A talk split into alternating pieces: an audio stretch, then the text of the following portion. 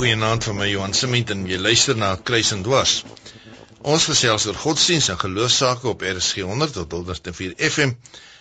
En vanaand is die onderwerp die baie interessante veld van sielkunde en die verhouding tussen sielkunde en godsdiens. En by my in die ateljee het ek twee dokters. Dr. Dean Brewer is nie 'n mediese dokter nie, hy's 'n pastorale terapeut. En dan is vir Dr. Belinda Brewer en sy's 'n psigiater. Baie baie welkom aan julle twee doktore vanaand hier by ons. Baie dankie. Dankie. As 'n mens kyk na die verhouding tussen sielkunde en godsdienst, dan is daar baie ouens wat 'n redelike spanning ervaar. Die een sê die een kom met die geesteswetenskappe uit, die ander een sê hy kom met ander vlakke uit, meer filosofies. Jy's nou albei, jy's 'n dominee en jy's 'n soort van 'n sielkundige of 'n terapeut. Is daar so 'n spanning tussen die twee velde? Ek dink daar is 'n spanning tussen die twee velde wat baie samehang met die basisteorie of die plek waar jy van kom, hoe jy opgelei het, watter teorieë uit jy kom. My waarneming die afgelope tyd is dat daar 'n nader beweeg is aan mekaar en 'n meer gemaklikheid is met mekaar omdat albei gaan oor die hulp aan mense en hoe mense hanteer kan word, hoe mense beter verstaan kan word en ek dink daar is 'n handvat Maar daar is ook uh, ongelukkig baie spanning, maar ek dink dan moet 'n mens maar gaan kyk na jouself, hoekom die spanning daar is. En Belinda, as mens nou na psigiatrie kyk, dit beteken mense het 'n mediese agtergrond, nê? Nee, ja. Dis die dis die verskil tussen 'n sielkundige en 'n psigiater. Ja, 'n sielkundige het 'n sielkundige opleiding, 'n psigiater is 'n mediese dokter wat verder gespesialiseer het om 'n psigiater te word. En 'n sielkundige kan nie medisyne voorskryf nie. Nee. Maar jy kan dis wat 'n psigiater kan doen, ja. En dan die net so terwyl van 'n inleiding, as 'n baie ou sê vir my, hy gaan nie na sielkundige toe nie, hy gaan na pastorale sielkundige toe in plaas van na kliniese sielkundige toe. Wat is die verskil? Die verskil tussen 'n klinies en pastoraat is baie duidelik. Kliniese sielkundiges werk baie spesifiek met uh, psigiatriese toestande en hulle werk volgens spesifieke modelle ook waar daar spesifieke terapeutiese behandelingswyse gevolg word wat spesifiek net uit die uh, sielkunde uitkom en waarskynlik vanuit baie humanistiese benadering kom. Wanneer 'n mens oor pastoraal praat, dan is daar ook die dimensie van die spirituele wat bykom of spiritualiteit wat bykom waar mense baie gemaklik kan praat oor hulle geloofsaake, sake waar hulle vra oor die betekenis van hulle lewe, wat die dinge wat in hulle lewe gebeur, hoe hulle dit kan inskakel ook in hulle geloofsdimensie. Maar sal dit nie by die gewone soekkundige ook maar voorkom nie? Ou praat deesdae van die triomf van die terapie, dat alles word terapeuties opgelos. Dit hang van sielkundige tot sielkundige af. Sommige sielkundiges het baie groot respek en werk ook met mense se geloofs-oortuigings en spiritualiteit, maar daar is ook sielkundiges wat wegstuur daarvan af wat sê dit lê nie op die terrein van die sielkunde nie. So dit hang van sielkundige tot sielkundige af. En Belinda sou dan by jou kom wat 'n gelowige is, behandel jy dit met respek sy geloofs-oortuigings of probeer jy net in 'n kliniese beeld kyk? Ja, as psigiater neem jy definitief in ag wat 'n pasiënt se geloofs-oortuigings is en jy probeer dit tot die voordeel van 'n pasiënt se herstel en selfs verstaan van wat aan die gang is met hul geestesgesondheid. Jy gebruik dit om a, as deel van 'n pasiënt se behandelingsprogram. So ons praat deesdae ons het altyd van die biopsigososiale benadering gepraat wat ons biologies kyk. Ons weet um, psigiatriese siekte het 'n biologiese basis. Ons kyk psigies na 'n pasiënt en dan sosiale omstandighede, maar deesdae praat ons ook biopsigososiaal spiritueel. So jy neem ook in ag die belang van 'n pasiënt se spiritualiteit of geloof in hulle herstel en hulle verstaan wat hul psigiatriese siekte behels. Want ek dink in Afrika is dit nogal baie belangrik, nê, nee, waar mense 'n bepaalde wêreldbeelde het waarin spiritualiteit 'n baie groot rol speel. Ek dink nie net dit is in Afrika nie, dit is as jy na die literatuur kyk wêreldoor word dit erken dat mense se spiritualiteit 'n baie belangrike rol speel en nou in in psigiatrie is my ondervinding dat daar baie baie godsdienstige vrae na vore kom en baie vrae rondom spiritualiteit ook na vore kom, maar ons kan miskien daarby uitkom. Ja, wat is soort vrae? Sê vir my, wat 'n vraag kom nou na vore? Mense sou vra, maar is dit God se wil wat met my gebeur? Want wanneer mense by in, in psigiatrie behandel word, is dit regtig waar baie eksistensiële, met ander woorde daar's baie lewensvrae wat gevra word, want psigiatrie raak jou in jou totale mens wees. Dit is nie net 'n uh, 'n klein ietsie nie. As jy byvoorbeeld depressie vat, dan raak dit jou denke, jou emosie, jou gedrag.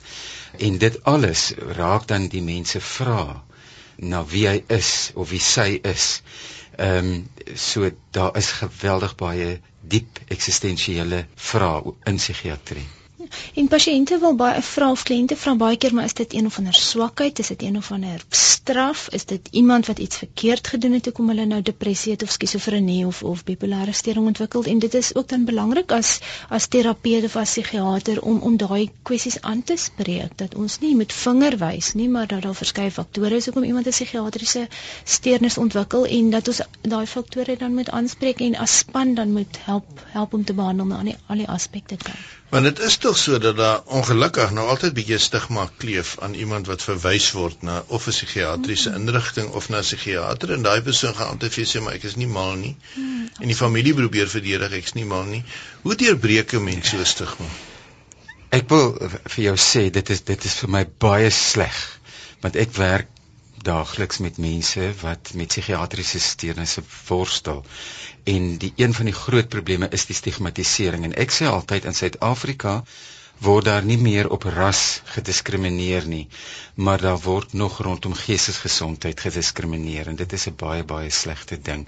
Jou vraag oor hoe deurbreek 'n mens dit? Ek dink daar's baie maniere waarop mense dit kan deurbreek. Vir my gaan dit daaroor dat elke psigiatriese pasiënt in hom of haarself eers moet vrede kry dat hierdie 'n siekte is soos enige ander siekte wat spesifiek siekte van die brein is, maar uh, dit is niks minder of meer as 'n ander siekte in waarde nie. Dan natuurlik dink ek is lê dit in die gemeenskap ook dat ons onsself bietjie moet afvra, hoe kyk ons na ander mense wat siek is en hoe kyk ons na mense wat met psigiatriese siektes worstel? Ja, maar in die ou dae het die mense gesê hulle sien nie wie splale. Wat beteken dit Belinda?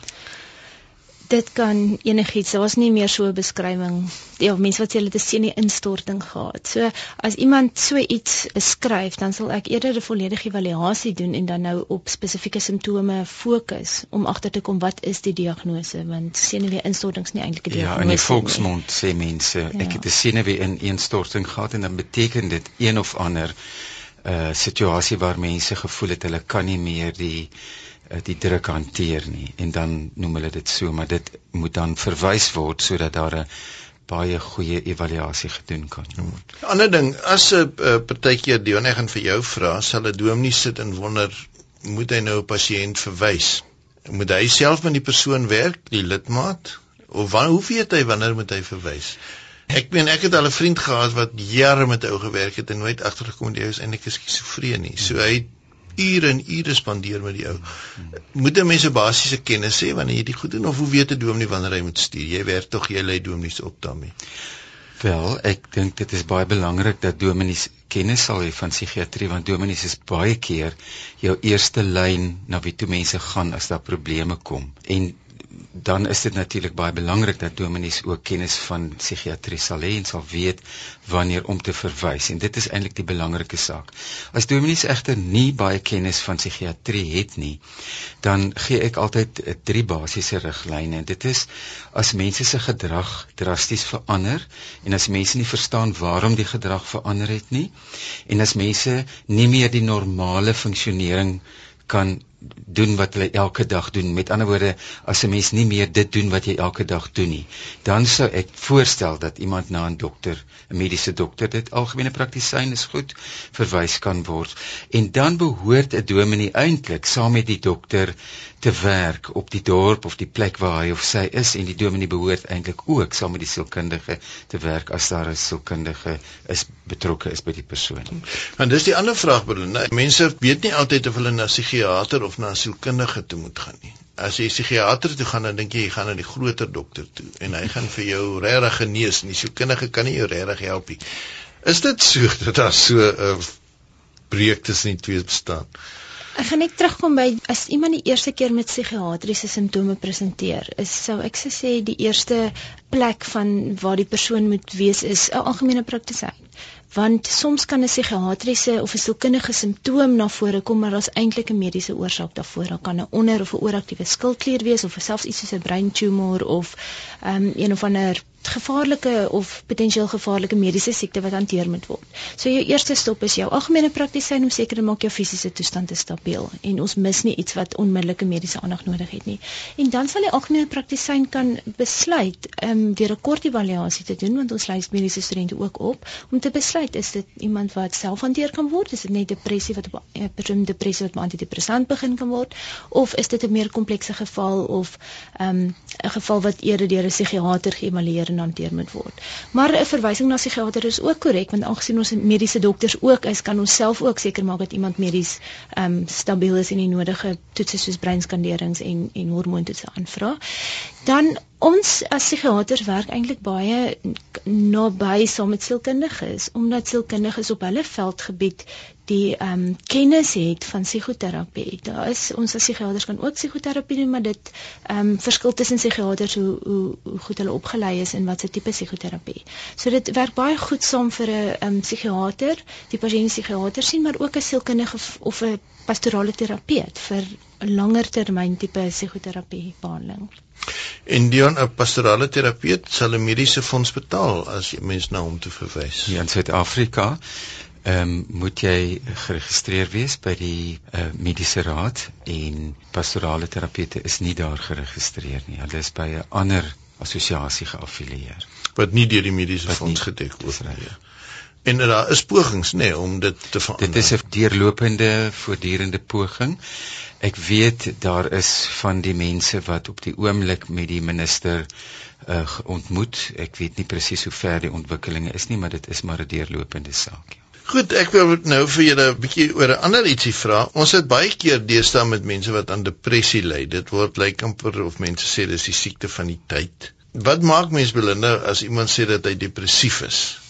Hoe hoe erken mense dat hy nou regtig verwys moet word en nie net sommer beloof down is nie? Goed, so 'n major depressiewe episode is wanneer iemand vir ten minste 2 weke lank simptome van depressie het wat meeste van die tyd teenwoordig is. En dit is simptome soos dat hulle sleg slaap of sleg eet of te veel eet en te veel slaap. Ehm um, traag voel of onrustig voel, negatiewe gedagtes, selfs selfmoordgedagtes kry, miskien sukkel om te konsentreer, dat hulle voel die toekoms, hulle sien nie uit na die toekoms nie, hulle het nie meer lus of geniet nie meer aktiwiteite nie, nie gemoed voel af, dit voel laag. So dit moet dan vir ten minste 'n 2 weke periode teenwoordig wees en dan moet daar nie faktore wees soos ehm um, substansie of uh, enige ander mediese siekte wat die depressiewe simptome veroorsaak nie. So dis iemand wat 'n major depressiewe episode het en waarskynlik dan 'n major depressiewe stering het wat antidepressante benodig, uh, maar ook um, psigoterapie. En dan kry mens ook iets soos 'n aanpassingssteuring met depressie. So dis iemand wat een of ander stresor ervaar het en nou reageer hulle as met depressiewe tipe simptome en in die dis gewoonlik nie so ernstig nie en as die stresor weggeneem word dan raak die depressie beter. Soos so iemand sê byvoorbeeld dan nou nie op 'n antidepressant gee maar sy eerder die stresor aan aanspreek en ondersteunende tipe behandeling gee. Dion, baie mense sal sê ek is depressief maar ek wil net die pille drink nie want ek nou nou vra ek verslaaf aan die pille. Dis as mense bang is vir pille. Ja, mense is baie versigtig vir pille en ek dink ook dit is goed, maar miskien moet Belinda iets sê oor die verskillende tipes medikasie wat daar is, want daar is sekere medikasies waaraan 'n mens wel verslaaf kan raak en daarvoor moet jy baie versigtig wees, maar dan is daar terapeutiese medikasie wat wat jou gesond maak. Ja, so depressie is basies om dit nou in baie eenvoudige terme te sê, 'n chemiese wanbalans in die brein. Dit is 'n biologiese siekte. En daarom behandel ons dit met medikasie en dis wetenskaplik bewys is getoets met allerlei studies en breinskanderings en so en dat dit werk vir iemand met 'n erns matig tot ernstige depressie. Iets so antidepressante, daar's verskeie soorte met verskillende neeweffekte en verskillende doserings en dit hang ook regtig af wat die persoon sal verkies wat op hulle hulp gaan respondeer wat hulle kan bekostig wat hulle mediese fonds sal toelaat ensovoorts. So antidepressante is baie effektief, dit vat wel 'n rukkie om te werk. Ehm um, maar dit werk goed en jy kan as as antidepressant vir jou werk kan jy dit vir 'n geruime tyd neem. Ehm um, na eerste episode 9 tot 12 maande, na meer as een episode selfs jare lank. En jy gaan nie verslaaf raak aan 'n antidepressant nie. Inteendeel, as mens depressief is en jy word nie behandel nie, is dit slegter as om 'n antidepressant te neem. Want as jy depressief is, is jou stres hormoonstelsel heeltyd aan die gang, so jou kortisol vlakke is is abnormaal en dit kan maak dat jy jou immuniteit onderdruk word, jy's meer vatbaar vir infeksies, vir hartprobleme ensovoorts. So dis daar's baie meer voordele om 'n depressie met antidepressante te behandel as om 'n depressie onbehandeld te los. Dan is daar medikasies wat verslawend is, maar dit is nie primêre behandelings vir depressie nie, dit is jou slaappille en jou kalmeerpille. En dit is pille wat ons as psigiaters eintlik vir so kort as moontlik periode voorskryf, miskien net aanvanklik as iemand regtig sukkel met angs of met slaap, dan sal ek dit vir so 2 weke voorskryf, nie langer as 'n maand nie, net totdat ek wag vir die antidepressant om te begin werk. Nee.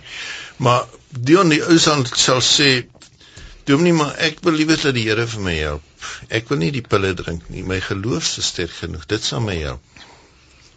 Johan, jy moet maar die pilletjie drink.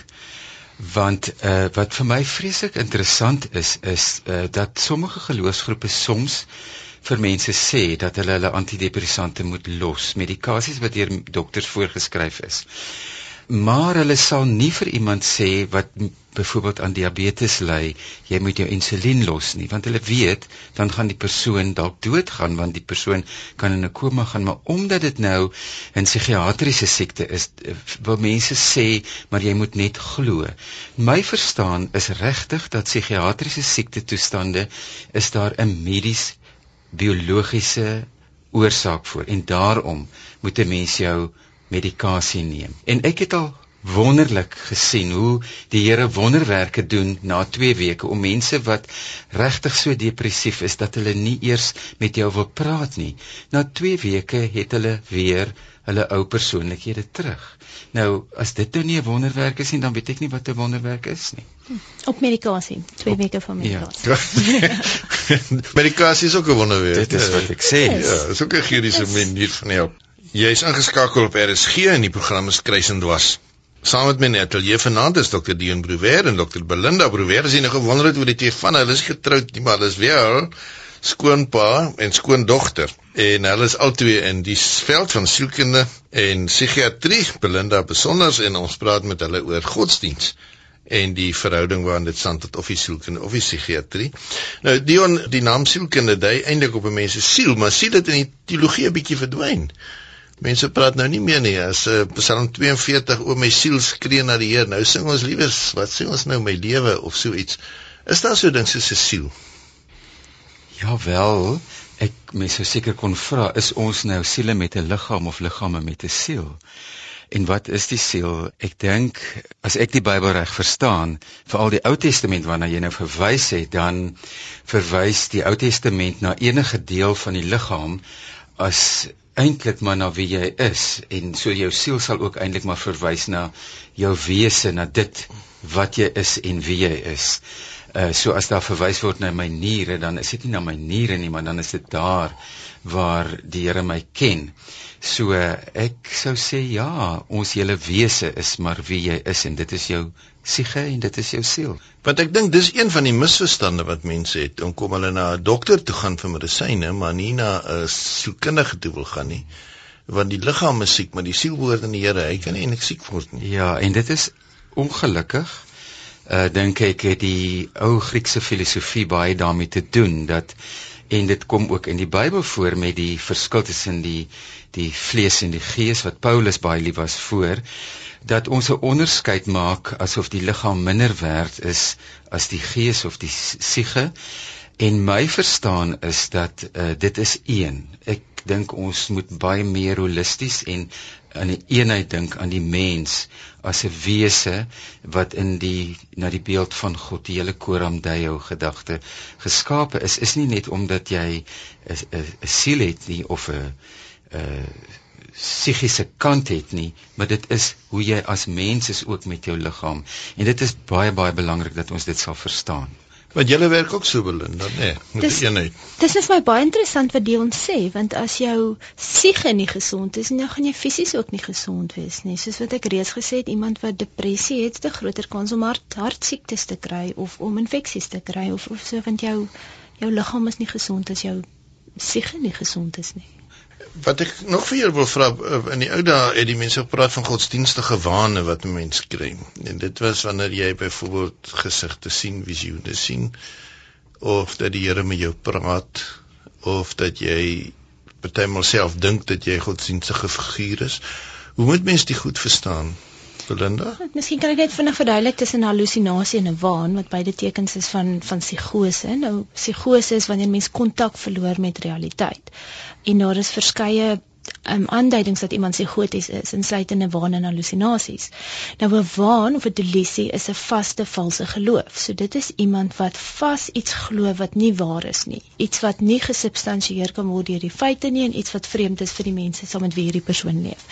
Ehm um, halusinasie is 'n 'n valse persepsie. So dit is iemand wat iets hoor of iets sien of iets ruik of iets voel wat nie waar is nie. Teenoor 'n illusie is 'n wanpersepsie. So dis iemand wat byvoorbeeld kyk na 'n stoel maar hulle sien iets anders soos 'n hond of of wat ook al. En dan ook deel van psigose kan jy so soos ek gesê het wane halusinasies mee kan ook gedisorganiseerde gedrag kry. So jou gedrag kan verander, kan vreemd wees of kan jy ehm um, snaakse snaakse houdings inneem of vreeslik rusteloos raak of so. Ehm um, of jy kan gedisorganiseerde spraak en gedagtes kry wat iemand heeltemal te mekaar praat of snaakse woorde gebruik en, en onverstaanbaar raak. En dan is daar ander tekens van psigose soos negatiewe simptome wanneer mense nie basies hulle uh, gesigsuitdrukkings is afgeplat of hulle lyk of hulle glad nie motivering het om enigiets te doen nie of hulle praat ontrent glad nie. Ehm um, so dis die negatiewe iemand wat baie meer stil en teruggetrokke is en nie goeie kontak en en vloeiend kan met mense praat nie. So dit is nou ehm um, psigose. Nou as mens kyk na wane religieuse wane sien ons dit deesdae nog steeds. Dit is mense wat, wat dan nou iets glo binne 'n geloofs konteks, maar die mense wat saam met hulle in hulle gemeente of in hulle geloof is, kan nie daarmee saamstem nie. Dit is ehm um, vreemd vir die mense saam wie hulle in, in die geloof is so so mens moet iemand binne 'n konteks sien.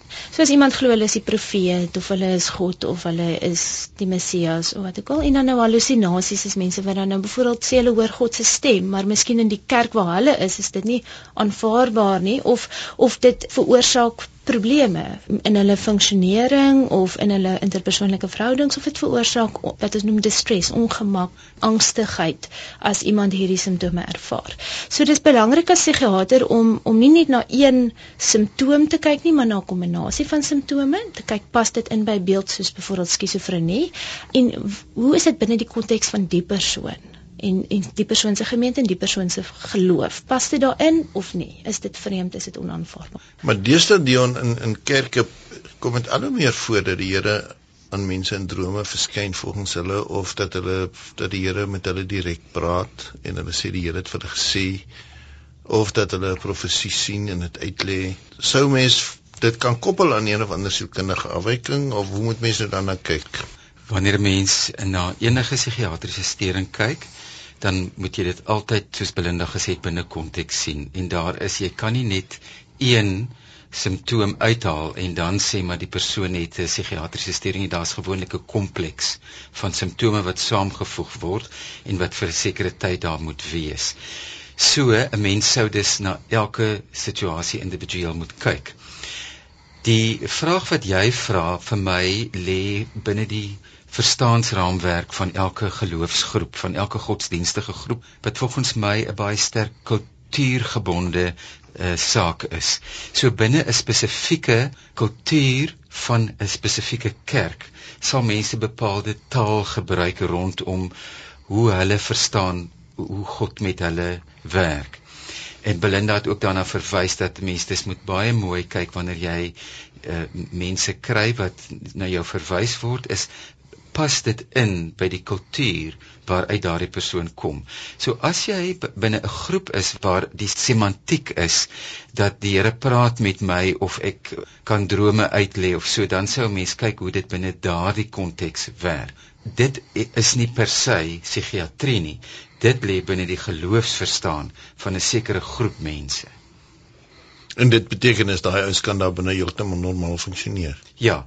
Uh ek het soos ek vroeër gesê het is vir my die die vraag kan mense hulle daaglikse normale take uitvoer of nie. So mense sou kerk toe kon gaan en dan 'n bepaalde uh geloofs ervaring daar hê wat ook saamhang met die die mate van hoe mense emosioneel dit beleef. Want daar in, in ons kan miskien daaroor praat is dat die wat van godsdiens hoe hoe dit lyk.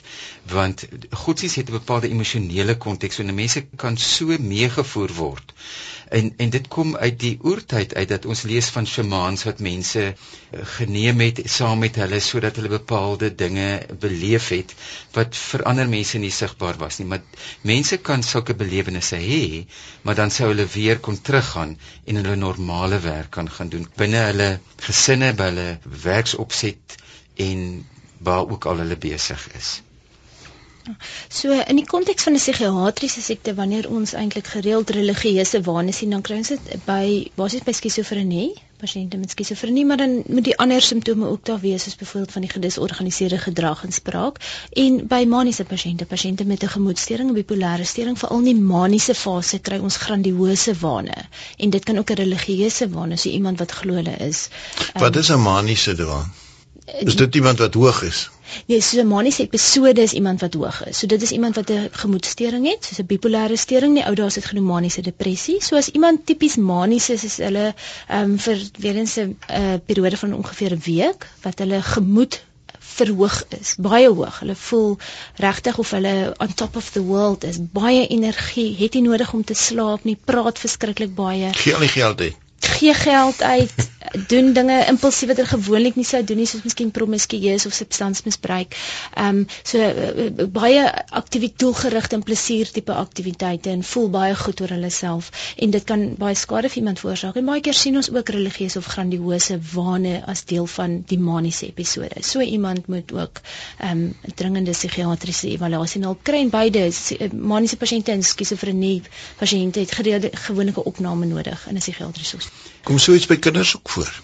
Ja, kinders kan ook ehm um, skizofrenie of bipolêre storing hê, okay. maar dit is kinderpsigiaters wat gewoonlik so 'n kind moet hanteer en behandel want dit word selfs nog meer in die konteks van die familie en ehm um, in die skool en behandel want 'n kind wat 'n ernstige psigiatriese siekte het, moet so bes moontlik gestabiliseer word om vir daai kind 'n goeie toekoms te probeer gee. Want om ja, om te leef met 'n psigiatriese siekte van die ouderdom van 12 of 13 of dit is nie maklik. Want kyk, Dion, dis dan nou baie keer sal die ouers sê dis gebedsverhoring. Die kind was uiters depressief en nou is hy so positief en dit gaan goed met hom en dan sal hulle sê kyk net hoe die Here hom genees. Is dit maar meer 'n gebrek aan kennis van die siekte toestand wat maak dat mense dit sê? Ek uh, verduidelik dit altyd so. Ons as mense is van nature so ges geskep dat ons wil weet, ons wil verduidelik, ons wil verklaring sê. En 'n mens kan alleen 'n verklaring gee van dit wat jy weet, dit waarvan jy kennis het. So as jy nie kennis het van hoe die invloed van 'n psigiatriese stering op 'n mens se gedrag en op jou siege is nie en mense sou dan vreemd begin optree, dan sou jy dit begin toeskryf aan dit wat jy ken. En as al kennis wat jy het dan is dat dit op een of ander manier 'n siekte toestand is of 'n gevolg is dat die Here jou nou gesond gemaak het deur gebed, dan gaan jy dit so verstaan en dit gaan jy glo. Ek dink ons moet maar meer ook bietjie weier lees rondom die goed en 'n groter verstaan kry. Ja, maar as dit 'n ernstige psigiatriese siekte is, veral met 'n gemoedstoring kan iemand self sonder behandeling, dit vat net baie langer weer terugkom na basislyn, maar daar's 'n baie goeie kans dat daai persoon weer depressief gaan raak of weer manies gaan raak. En ek sal net graag die ouers wat luister, as u kind hmm. sou begin sulke tipe simptome, vreemde gedrag, eh, slaap sleg, eet nie goed nie, daai tipe simptome moet mens maar ook net altyd dink aan dwelms. Jong mense, hier's 'n groot dwelmkultuur veral in die Weskaap, veral tik of kristal metamfetamine wat 'n stimulant is en en cannabis ensovoorts. So dit is ook iets om net in gedagte te hou as jou kind se gedrag ewe skielik so verander. Maar as ons nou met jou praat dan sê mens nie dat gebed nie kan nie genees nie. Nee, gebed kan genees.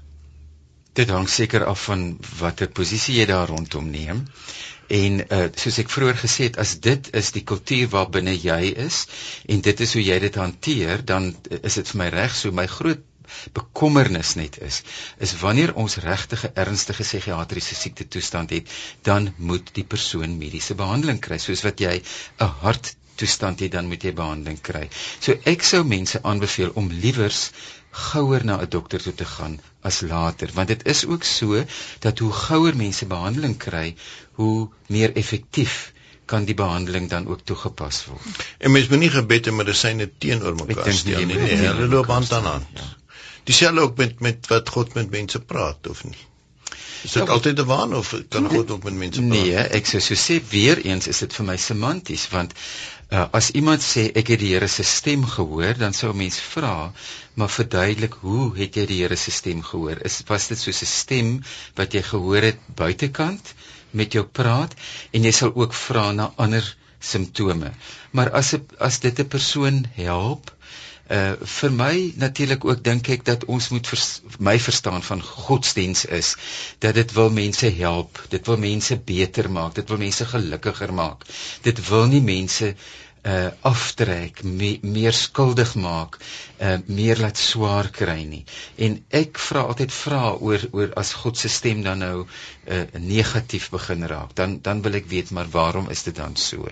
Goed, ek dink 'n ander ding wat groot spanning bring tussen uh kerk en hospitaal is 'n ding wat ons al hoe meer vandag hoor is bindings. Dat ek gebind is deur die duiwel en daarom sekere goed nie kan doen nie of sekere goed wel doen en kan ontslaa raak van sekere goed nie. En dan is daar 'n sterk gevoel dat die mediese wetenskap nie eintlik erkenning gee aan hierdie hele ding nie. Hoe moet mens daaroor dink? Ek sal weer vir jou sê dit hang af van hoe jou verklaringsbeginsel is. As jy in ehm um, een of ander afhanklikheid as 'n binding wou sien, dan sal jy sekerlik dit wou toeskryf aan een of ander iets wat jou bind. Maar as dit 'n iets is soos alkoholafhanklikheid of dwelmafhanklikheid, dan is jy gebind. Of as jy obsessioneel is rondom en obsessief kompulsief is rondom iets soos pornografie wat jou bind wat ook 'n verslawing is, dan mag mense sekerlik sê dit is een of ander vorm van binding. My probleem daarmee is net dat dit 'n bepaalde tipe tipe verklaringswyse is en daar is baie navorsing hier rondom gedoen wat vir ons help om mense ook te kan help rondom alkoholverslawing, dwelmverslawing en ook ander tipes verslawing. Maar nou ek weet mense gebruik die term binding natuurlik baie wyd dat as mense dalk uh, miskien op een of ander manier in hulle persoonlikheid reageer dan sou die persoon gebind wees. So ek is baie versigtig om mense te stigmatiseer rondom 'n binding en Ehm um, ek dink daar is baie keer ook ander verklaringe voor. As ek na die mediese veld um, kan verwys as ons byvoorbeeld praat van dwelmverslawing of alkoholverslawing, verslawing is daar definitief 'n biologiese ehm um, basis rondom iemand wat verslaaf raak. So dit het te doen met die dopamien motiverings of pleasure reward system, verskoon die Engels. Ehm um, dis hoekom iemand baie keer dwelms gebruik want dit veroorsaak daai intense plesier en reward ehm um, gratifikasie so. Gratifikasie. Ehm um, net so lelik hoor. en as iemand dan aangaan aanhoudend aanhoudend dwelms gebruik, dan pas die brein aan. So daar is spesifieke biologiese aanpassings en dit is hoekom mense dan later aanhou aanhou dwelms gebruik al wil hulle nie meer nie al veroorsaak dit 'n klomp probleme. So dit raak dan nou ook 'n biologiese siekte en dan dis is dit ook iemand wat dan nou behandeling nodig het. Maar in bepaalde geloofsterme sou mens kon sê dis 'n binding, want dit is 'n afhanklikheid van eerdere ding, né? Nee. Dit is 'n semantiese saak, ja. dink ek, hoe hoe mense jou taal gebruik. Ek ehm um, moet vir jou sê Johan, jy stuur nou in hierdie rigting. Ehm um, mense vra vir my, uh, jy weet, word daar in Stikland duiwels uitgedryf? Nou my probleem is, ek werk nou al in in psigiatrie vir omtrent 30 jaar. Omdat dit nie my verstaansraamwerk is nie, het ek nog nooit gesien dat 'n psigiatriese siekte aan 'n duiwelbesetenheid gebind is of aan 'n binding gebind is nie. Inteendeel, ek sien net liefde en genade in die gange van die hospitaal, in die manier wat die susters die pasiënte hanteer, die manier wat die dokters die pasiënte hanteer. Daar is regtig net genade. My probleem is eerder dat die die bindinge lê buite in die gemeenskap waar daar liefdeloosheid is waar mense wat sukkel met iets soos depressie nie verstaan word nie en dit is vir my 'n groter binding binne in gesonde mense as hulle mense stigmatiseer mm. so ek wil eerder sê vir my is die duiwel nie in die psigiatriese hospitaal nie maar in die kerk waar dan nie liefde is nie. Is, Maar nou moet jy my help want in die Nuwe Testament word daar gepraat van duiwelsbesetenheid en dat Jesus het 'n man se duiwels uitgedryf. Is dit moet mense dit net semanties verstaan dan dat dit die Maar nou weet jy dat dit kom uit die wêreldbeeld van Ek waar- weet nie, ek vra vir jou. Ek sê vir jou, dit kom uit die wêreldbeeld. Eh, Die mense in die in in die tyd toe dit geskryf het, geglo die aarde is plat. En ek weet nie daar is baie min mense wat ek van weet wat nog steeds sal glo die aarde is plat vandag. Nou vandag weet ons dat psigiatriese siektes 'n groot invloed op mense en menslike gedrag het. Wat presies gepraat is of wat dit bedoel is toe die duiwels uitgedryf is, mag dan nou baie verklaringe voor voorwees in daai konteks. Maar ek ek sou versigtig wees om dan te sê maar ek wil vanuit 'n bepaalde wêreldbeeld en 'n kultuur verstaan dit direk oorbring na waar ons vandag is want ons vlieg met vliegtye en as 'n vliegtyg daai tyd oor die mense sou gevlieg het sou hulle sekerlik ook iets anders gemaak het daarvan. Daar's byvoorbeeld neurologiese siektes soos epilepsie en as iemand 'n epileptiese aanval kry kan dit skrikwekkend lyk. Die persoon het ehm um, skuim skuim uit die mond, stuiptrekkings, hulle oor rol om en byt hulle tonge vas en en dit kan ook miskien iets wees wat wat iemand gekry het 'n epileptiese aanval maar in die konteks van die Bybeltyd waar mense nie die kennis gehad het nie, kon dit gelyk het soos 'n duiwelbesetenheid of of so iets. So ek dink en, en dinge het gevorder intussen in En tog is daar vandag mense wat duiwel uitdryf baie ernstig neem. Ek meen selfs in die Katolieke Kerk het hulle weer eksorsiste aangesteel. Hoe moet mens dit verstaan? Is dit dat mense wat dan binne daai bepaalde verstaanskultuur optree om dieselfde te doen wat 'n psigiater op 'n ander vlak sou doen? Ek sou nie sê dat dit is wat 'n psigiater doen nie. Ek um, as ek nou kyk na die neurowetenskappe wat vandag nogal baie belangrik is en daar word baie navorsing gedoen oor uh, wat neurologies in die brein gebeur wanneer mense ehm um, byvoorbeeld mediteer.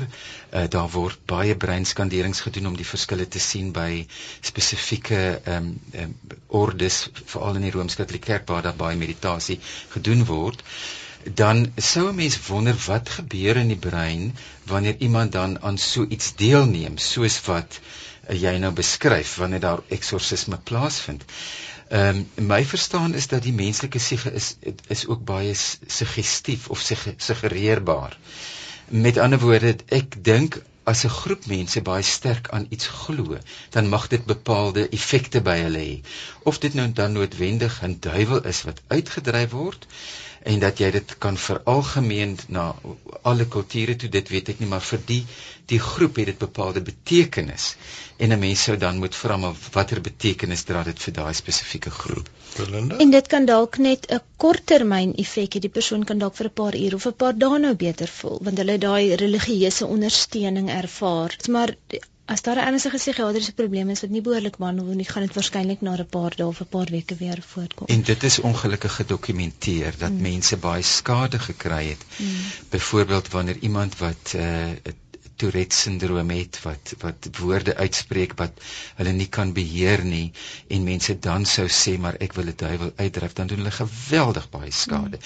So ek sou vra dat 'n mens tog maar baie versigtig moet wees wanneer jy dit doen en eers ook 'n medikus se raad en hulp kry as jy dan nou iemand sou wou genees met eksorsisme wanneer daar een of ander psigiatriese storing is want jy gaan baie skade doen. En skuldgevoelens, nê, nee, wat ontwikkel ja. wanneer mense dan dink dat die Here jou geloof draai jou nie.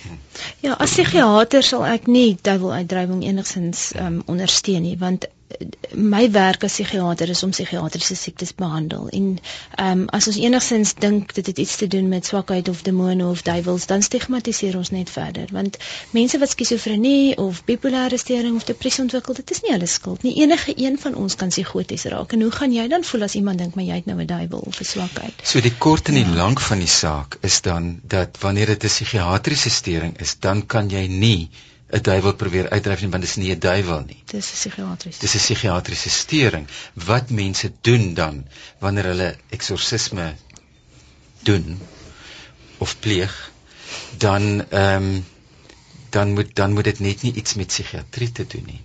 Maar daar's wel 'n rol vir geloof in herstel en in sin maak van van psigiatriese siekte en om te leef met 'n psigiatriese siekte, daar's definitief 'n rol vir vir jou geloof om te herstel en beter te raak saam met jou medikasie. En in dit is 'n geloofsgemeenskap ook belangrik Absoluut. wat jy ondersteun, nê? Nee. Absoluut. Sosiale ondersteuning is 'n baie belangrike deel en aanvaarding van van jou geloofsgemeenskap en jou ondersteuningsnetwerk om te leef met hierdie ernstige psigiatriese siekte, maar jou medikasie te neem en terug te gaan in die gemeenskap en jou deel te doen. Ek dink dit is ook ehm um, dat daar sekere praktyke is wat ehm um, ek dink soms nie aanvaarbaar is vir die wetenskap nie dat daar soms ook 'n teenstand is teen sielkunde of wat ook al of teen godsdiens van beide kante af.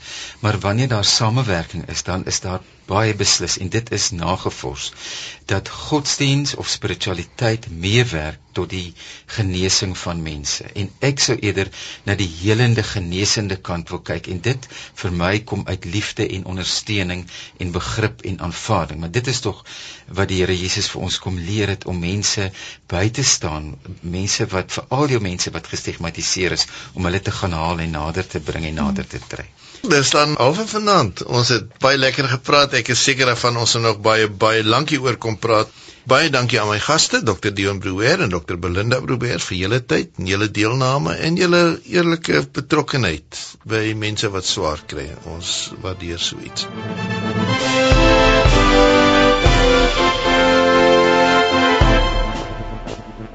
Ek groet namens die span in Kaapstad.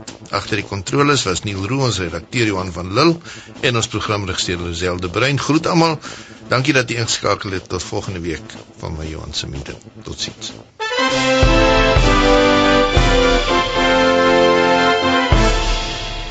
Kruisendwars is versorg deur Wordwise Media.